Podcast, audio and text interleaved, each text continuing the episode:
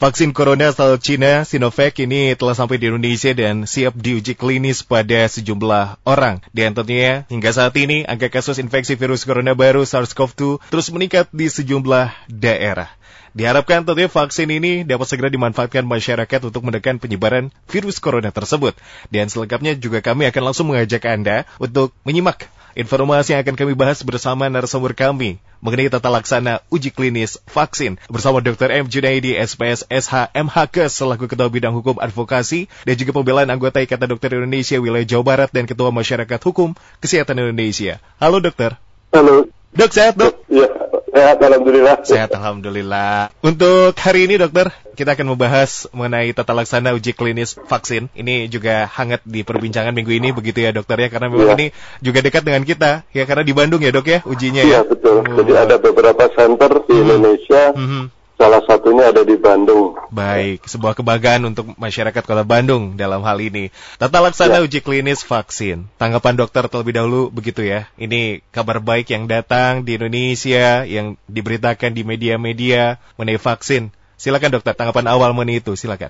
Ya, jadi sebetulnya begini, kita kembali lagi ke tujuan pembuatan vaksin, yaitu untuk memberikan kekebalan Nah, kekebalan lewat vaksin ini yang kita sebut sebagai kekebalan buatan.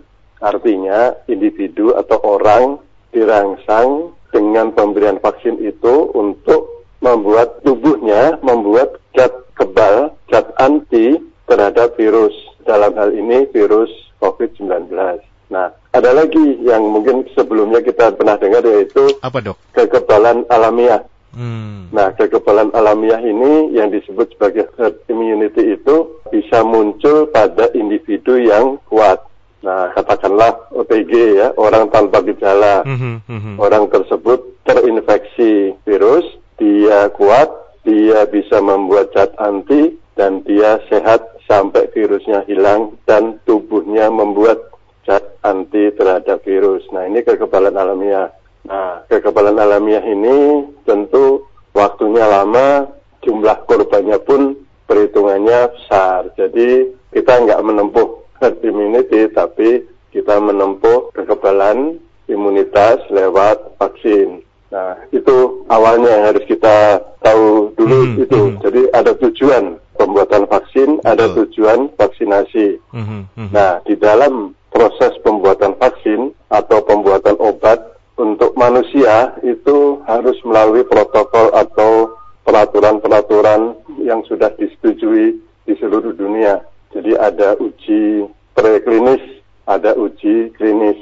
Uji preklinis mulai dari laboratorium, uh, fisika, kimia, ya kita teliti semuanya. Yeah. Apakah vaksin ini menimbulkan nanti kalau disuntikan pirogen nggak? Pirogen itu menimbulkan panas yang tinggi. Kalau toh menimbulkan panas tinggi, apa untungnya, apa ruginya? Apa syarat lainnya lagi yang bisa diterapkan pada mhm, pemberian mhm. vaksin mm -hmm. kalau yang pirogen? Nah, diharapkan sih vaksin itu tidak pirogen, tidak toksik, tidak terlalu toksik, tetapi menguntungkan atau untungnya atau nilai positifnya lebih banyak daripada nilai negatifnya. Itu preklinis. Nah, yang ramai sekarang ini adalah uji klinis ya. Yeah. Uji klinis ada beberapa fase 1 sampai 4. Nah, fase 1 itu orangnya belasan atau puluhan di bawah 100 lah umumnya. Mm -hmm. Nanti fase kedua itu di bawah 1000, 100 sampai 1000. Fase 3 itu bisa puluhan ribu. Nah, fase 3 ini kalau kita kenal di dalam dunia komputer itu adalah versi beta namanya. Ya, kan Regi kan sering misalkan ada window misalkan Windows 13 yeah versi beta. Nah, hmm. versi beta ini dilepas atau digratiskan pada banyak pengguna komputer untuk mengetahui keuntungan dan kerugiannya atau kelemahannya dan kebaikannya. Hmm. Itu hmm.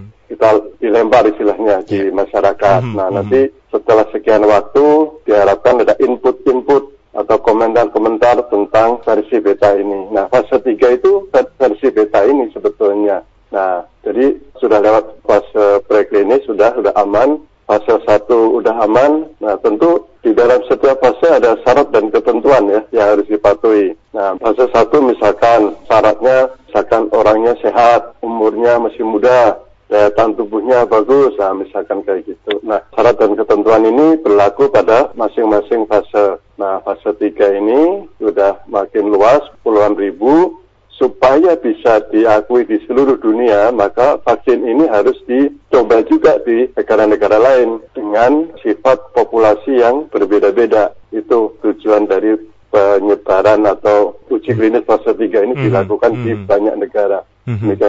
Baik dokter, terima kasih tanggapan awalnya mengenai vaksin Corona Sinovac di Bandung atau lebih tepatnya di Bio Farma. Dan ya. dalam hal ini menjadi angin segar dokter. Minimal ini ya, berita baik lah yang diberikan begitu ya oleh pemerintah ya. kita. Jadi ada optimisme yang tumbuh di tengah masyarakat bahwa ya kalau ya. sudah Jadi, tidak semata-mata ini hanya informasi awal tapi juga tuh harapan ini bisa segera begitu ya dok ya kalau kita sebagai ya, masyarakat. Ya, jadi segera tercapai hmm. jumlahnya dan kemudian tetap dimonitor, dicatat semua semua penerima vaksin ini seperti pada fase 1 fase 2 juga. Jadi semua dicatat yang terima itu umurnya berapa, kemudian tinggal di mana, jenis kelaminnya laki-laki, perempuan, anak, semuanya dicatat. Nanti dimonitor. Misalkan pada waktu beberapa saat setelah penyuntikan, apa yang dirasakan. Hari pertama apa, hari kedua apa. Nah, sampai hari ke-14. Jadi ada yang sampai hari ke-14, ada yang sampai hari ke-30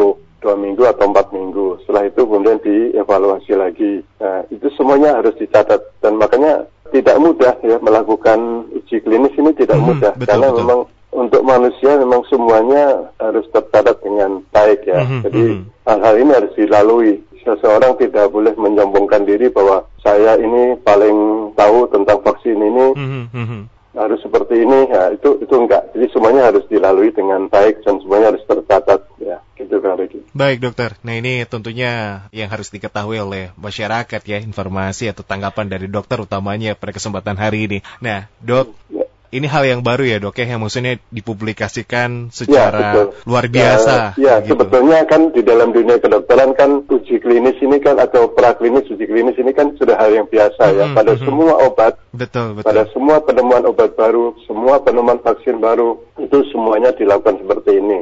Nah, efek positif dari pandemi corona ini adalah seluruh penduduk atau seluruh rakyat Indonesia jadi mengetahui, oh ada uji klinis ya, Oh, ada fasenya ya. Fasenya sekarang udah fase 3. Apa mm -hmm. sih mhm. uji klinis itu? Apa sih fase 1, fase 2, fase 3 itu dan seterusnya. Nah, ini kan seolah-olah kayak hal baru ya, seperti hal baru. Padahal sebetulnya ini adalah sudah berlaku di dunia kedokteran sudah sejak lama pada penerapan penemuan obat maupun vaksin baru. Demikian. Baik. Nah, tentunya kalau misalkan eh, sepengetahuan dokter ini kita kira-kira saja begitu ya dok ya. ya. Paling cepat ini berapa lama dokter uji vaksin ini atau maksudnya hal yang nanti akan dilaksanakan di Bio Farma dokter?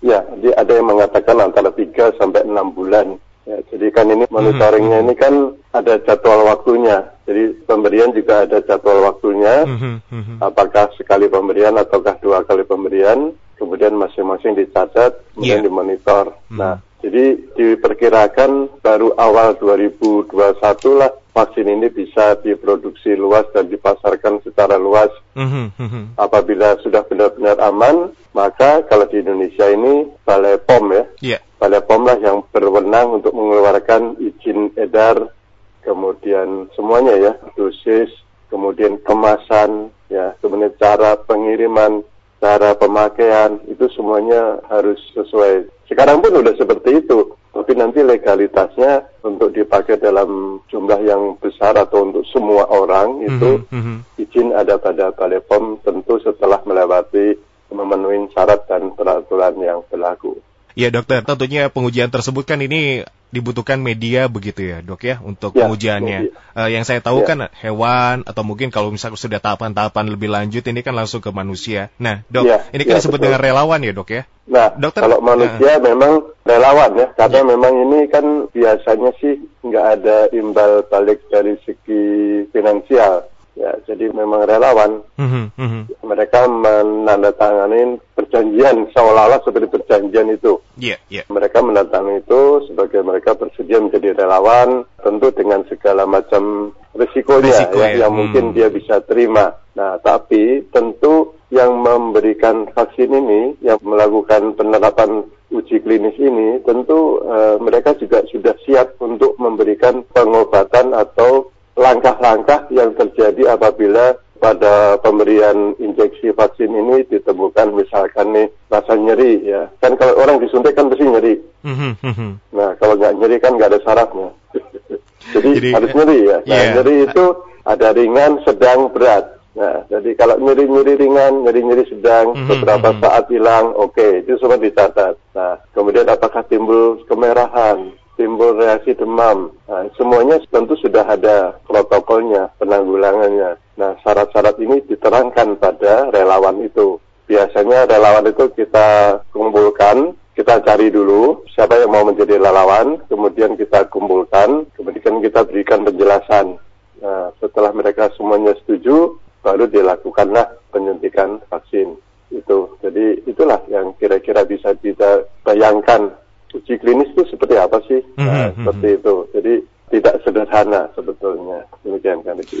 Dokter, biasanya ada prosedur seperti apa ini relawan ini dicari di mana atau mungkin hanya orang yang ada di internal tersebut atau dokter tahu mengenai ya, itu? Jadi relawan itu dicari di tempat-tempat yang akan dilakukan uji klinis. Ya, misalkan kalau di Bandung, orang itu misalkan penduduk kota Bandung, misalkan. Kalau mau diperkirakan dalam pemantauan itu nanti dia pindah atau pindah tugas atau pindah kerja, nah ini tentu tidak termasuk yang memenuhi syarat. Jadi yang benar-benar kira-kira bisa dimonitor kelanjutannya. Nah, itu antara lain salah satu syaratnya. Nah, syarat-syarat lain tentu ada ya. Kemudian tempat. Nah, ditetapkan dulu mana tempat yang bisa melakukan uji klinis ini. Nah, itu tidak semua dong, tidak semua rumah sakit bisa, tidak semua puskesmas bisa. Mm -hmm. Ada syarat dan ketentuan yang harus dipenuhi Baik. sebelum menunjuk misalkan rumah sakit. -hmm. Syaratnya apa? Nah, kemudian prasarananya apa? Sarananya apa? Tenaga ahlinya ada enggak? Yang nyuntik bisa nggak nyuntik vaksin dengan benar. Nah, karena cara penyuntikan vaksin ini juga berbeda-beda. Jadi mereka semuanya sudah dipersiapkan hardware maupun softwarenya. Puskesmas juga sama, tidak semua puskesmas. Jadi puskesmas tertentu yang memenuhi syarat. Mm -hmm. Nah, kalau di Kota Bandung itu selain Rumah Sakit Pendidikan Unpad, ada Balai Kesehatan Unpad di, di Pati Ukur, yeah. kemudian ada Puskesmas Jemuluit, mm -hmm. Puskesmas Garuda yang cukup besar ya, Puskesmas Dago, dan Puskesmas Suka Parkir, Suka Parkir itu. Mm -hmm. Jadi ada enam tempat. Itu yang sudah dilihat dan mereka memenuhi syarat untuk sebagai tempat uji fase klinis tahap 3 ini. Baik dokter, terima kasih. Dokter, maaf ya agak sedikit mundur. Jadi ya. tentunya kan ini vaksin corona asal Cina, ini kan ya. diimpor begitu ya dok? Ya. Jadi yang di Cina ini dalam bentuk apa ya dok ya? Sudah dalam bentuk siap suntik. Siap suntik ya? Iya, ya, siap baik. suntik. Tapi Sudah harus dalam tetap bentuk... dalam uji coba begitu ya? Ya, jadi gini, kembali yang tadi mundur lagi. Jadi mm -hmm. mereka di sana sudah lebih duluan memasuki fase uji klinis fase 1, fase 2, dan yeah, fase yeah.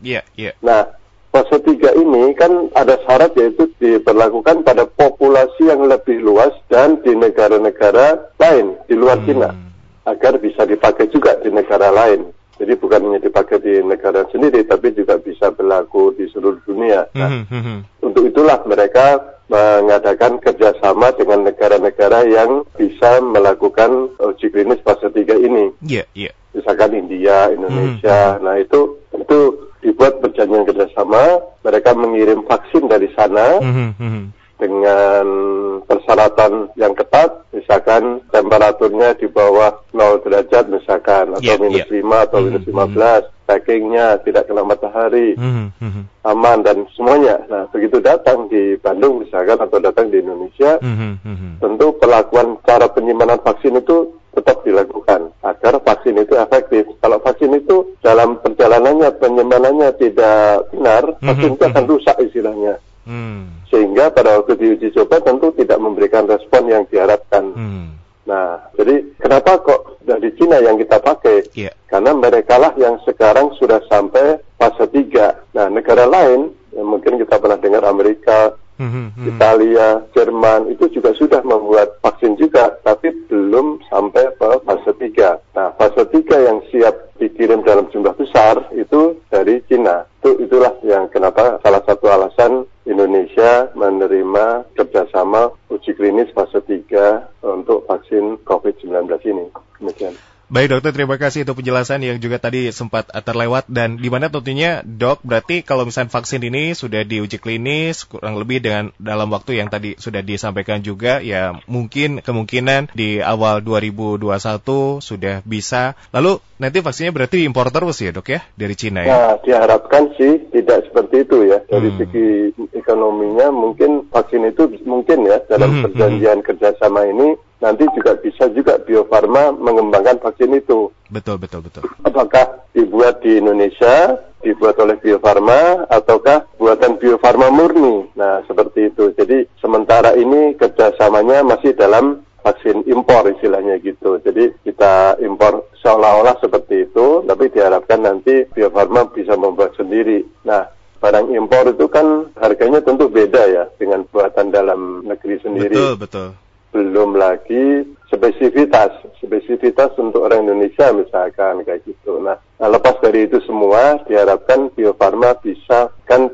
Bio Farma sudah mampu, sudah punya teknologinya, sudah punya ahlinya. Jadi diharapkan kerjasama ini hanya sebagai awal itu yang diharapkan banyak orang. Demikian Kak Regi. Ya, itu tentunya fit listeners ya kita sudah lebih paham ya, terutama penjelasan dari Dr. Junaidi pada kesempatan hari ini. Jadi karena kan kalau di media ini secara headline begitu ya, garis besarnya saja hmm. begitu, benang merahnya saja ya, dokter ya, tidak penjelasan secara detail gitu disampaikan. Ya, ya, ya itulah perlunya penjelasan ini pada banyak pendengar ya, banyak orang kayak gitu. Baik. Nah, dokter tentunya ya harapan tadi sudah disampaikan. Mudah-mudahan di ya kemudian hari ini tentunya bisa memproduksi vaksin sendiri supaya costnya juga atau biayanya juga tidak terlalu mahal dibanding dengan impor ya. tentunya ya dokter ya. Iya betul. Karena uh, mobil kalau dia mobil impor kan beda harganya dengan betul, kalau betul. dia katakanlah mobil ya CKD dengan impor build up kan beda harganya. Apalagi kalau mobil produk dalam negeri atau komponennya banyak diproduksi dalam negeri ya itu tentu harganya bisa lebih murah lagi. Betul betul. Saya kira padahalnya seperti itu Kang Reki. Baik. Dokter, kita ke interaksi dari pendengar ya dok ya. Ini ada ya, yang silakan. sudah menanggapi bergabung bersama kami melalui WhatsApp di 0811 948. Dok, ini saya senang dengan kabar gembira ini. Namun, saya yakin proses vaksin ini tidak akan sebentar, tapi beberapa pihak di negeri ini berharap uji vaksin selesai tiga bulan dan bisa didistribusikan segera. Apa ya, mungkin dok betul, kalau misalkan betul. memang kita mengenai waktu ini bisa dipercepat ya mungkin tiga bulan ini sudah disebar atau didistribusikan atau bagaimana begitu dari Gesnida di Buah Batu dokter silakan. Ya kalau kita kembali ke jargonnya Pak JK ya lebih cepat lebih baik. Nah itu Ya kita harapannya seperti itu ya. Penerapan uji klinis fase 3 ini lebih cepat dengan hasil yang lebih baik sehingga nanti bisa segera masuk ke fase 4. Mm -hmm. Fase yang dipakai di semua orang ya. Jadi tanpa syarat-syaratnya tentu bisa lebih longgar. Nah dan lebih aman dan lebih bermanfaat. Nah kalau harapannya sih tiga bulan harapannya gitu. Lebih cepat lebih baik itu tadi. Nah semoga tidak ada kendala-kendala yang berarti di dalam pemberiannya kepada masyarakat saat ini sehingga hasil yang baik itu bisa bermanfaat segera ya, bisa disebarkeluaskan kayak gitu. Karena untuk pemberian kepada seluruh populasi di Indonesia kan itu jumlahnya misalkan katakanlah 270 juta ya itu kan besar sekali itu dari Ya, itu dia tentunya Ges Nida di Bawah Batu sudah ditanggapi dan uh, tentunya harapan yang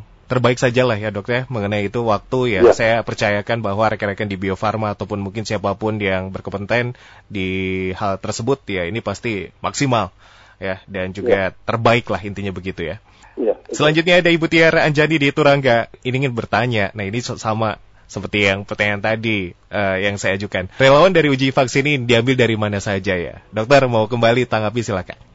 Ya, jadi uh, relawan itu kan ini di uji coba di Bandung. Nah, tentu relawannya penduduk kota Bandung. Nah, salah satunya di dalam masa pemberian uji klinis fase 3 ini, pemberian vaksin pada uji klinis fase 3 ini, orang tersebut bisa dimonitor. Nah, kalau orang itu pindah, kan berarti monitornya susah, sulit ya. Nah, jadi salah satu syaratnya adalah penduduk kota Bandung tidak pindah tempat tinggal dalam waktu 3 sampai 6 bulan. Nah, itu syarat dari penduduk dan tidak pindah domisili di dalam waktu 6 bulan setelah pemberian vaksin. Syarat lain tentu ada ya, tentu ada syarat-syarat lain. Nah, apakah dia di populasi yang misalkan katakanlah zona ya, apakah dia diberikan pada zona merah, zona kuning, zona hijau itu tentu ada syaratnya. Ya, kan kalau kita ambil persamaannya dengan orang anak sekolah, udah sekolah nih, udah sekolah 6 bulan, udah satu semester. Nah, untuk mengetahui apakah pelajaran yang diberikan itu bisa diterima atau tidak, kan tentu ada ujian, ada ulangan. Nah, ada semesteran, nah, istilahnya gitu kan. Jadi, di dalam pemberian fase uji vaksinasi, uji klinis ini juga seperti itu. Jadi, ada monitornya, kemudian ada syarat siapa sih yang diberikan, populasi yang diberikan, apakah semua orang ataukah ada syarat-syaratnya. Apakah ini diberikan pada orang di daerah zona hijau, zona kuning, eh, zona merah, nah seperti itu, itu ada. Jadi syarat tempat tinggal ada, syarat populasi ada, syarat daerah yang tadi hijau, kuning, merah itu ada. Jadi eh, syarat-syarat itu ada, itu itu sudah dibuat oleh tim dari Unpad ini. Gitu. Kalau di Jogja, tim dari UGM, nah itu itu masing-masing tim sudah membuat kriteria. Mm-hmm, mm-hmm. Demikian ya Regi. Baik dokter, terima kasih. Terakhir ada Mas Rizal di Cilenyi. Ini izin bertanya dok, apakah efek samping dari vaksin ini akan berbeda di tiap individu? Nah, jadi ada yang reaksi individual, ada reaksi general. Semua obat kan demikian. Misalkan obat yang diminum, reaksi umum adalah mual, misalkan gitu. Nah,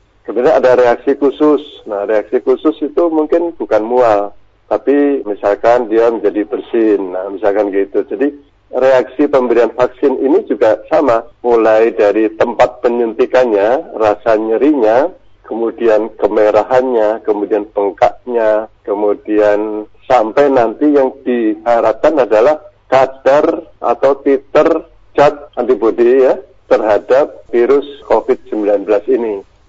Sebetulnya tujuan akhirnya itu sebetulnya. Tetapi pada setiap pemberian itu akan dimonitor ya reaksi lokal, reaksi umum, hari keberapa dia muncul, berapa saat dia muncul, kemudian sampai akhir yaitu titer antibodinya atau kadar antibodinya. Nah, sehingga nanti bisa di bisa ditentukan apakah vaksin ini bisa diberikan sekali, dua kali, atau tiga kali. Dengan jarak berapa? Apakah jaraknya sebulan, tiga bulan untuk vaksin kedua, eh, enam bulan atau setahun, atau ada istilah booster. Booster itu untuk menaikkan titernya lagi ya, menaikkan kadarnya itu misalkan setelah lima tahun sekali. Nah itu harus divaksin ulang untuk menaikkan atau kadarnya supaya cukup untuk melindungi individu yang bersangkutan. Nah itu ada. Jadi harapan akhir dari vaksinasi ini adalah terbentuknya zat anti terhadap virus.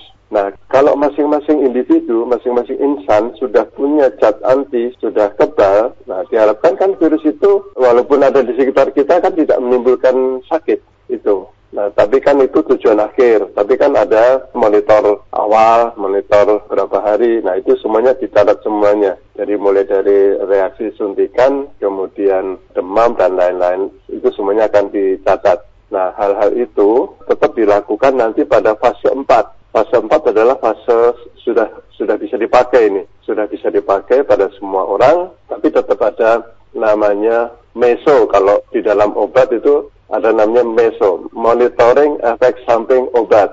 Nah, mungkin ini juga ada namanya monitoring efek samping vaksin. Nah, nanti ada itu, itu semuanya sudah dicatat semuanya untuk keamanan produk yang dipakai oleh manusia. Demikian kan lagi. Dokter terima kasih telah menanggapi pertanyaan dari Gasnida, terus juga dari Ibu Tiara, dan juga Mas Rizal. Terima kasih untuk Anda yang telah bertanya melalui WhatsApp. Dokter, tentunya sebagai penutup, uh, harapan khusus mengenai hal ini terkait uji klinis vaksin yang juga tentunya dokter bisa menambahkan dengan closing statement. Silakan dok. Ya, uh, terima kasih uh, kepada visi listener saya Dr. Uh, Junedi sesuai dengan topik hari ini tentang uji klinis fase 3 vaksin untuk COVID-19. Mari kita dukung program ini apabila Bapak Ibu terpilih sebagai orang yang bisa sebagai relawan, harapan saya Bapak Ibu bisa menerima itu, bisa melakukan itu Kemudian jangan ragu-ragu untuk menerima diri sebagai relawan agar berguna ya, bukan hanya untuk diri kita tapi juga untuk banyak orang. Demikian. Dokter terima kasih untuk hari ini dan insya Allah kita bisa berjumpa ya, kembali tetap untuk sehat. Amin, amin, amin, amin. Itu yang tentunya harapan terbaik untuk kita semua saat ini. Dokter selamat bertugas, selamat beraktivitas, selalu jaga kesehatan. Salam. lagi ya, Dokter Regi ya. dokter Regi, baik terima kasih dokter. Salam untuk keluarga di rumah ya dok ya, iya, sehat selalu. terima kasih. Demikianlah bersama Dr. M. Junaidi, SPSS HMHK selaku Ketua Bidang Hukum Advokasi dan juga Pembelaan Anggota Ikatan Dokter Indonesia Wilayah Jawa Barat dan Ketua Masyarakat Hukum Kesehatan Indonesia yang telah bergabung di Fit for Life.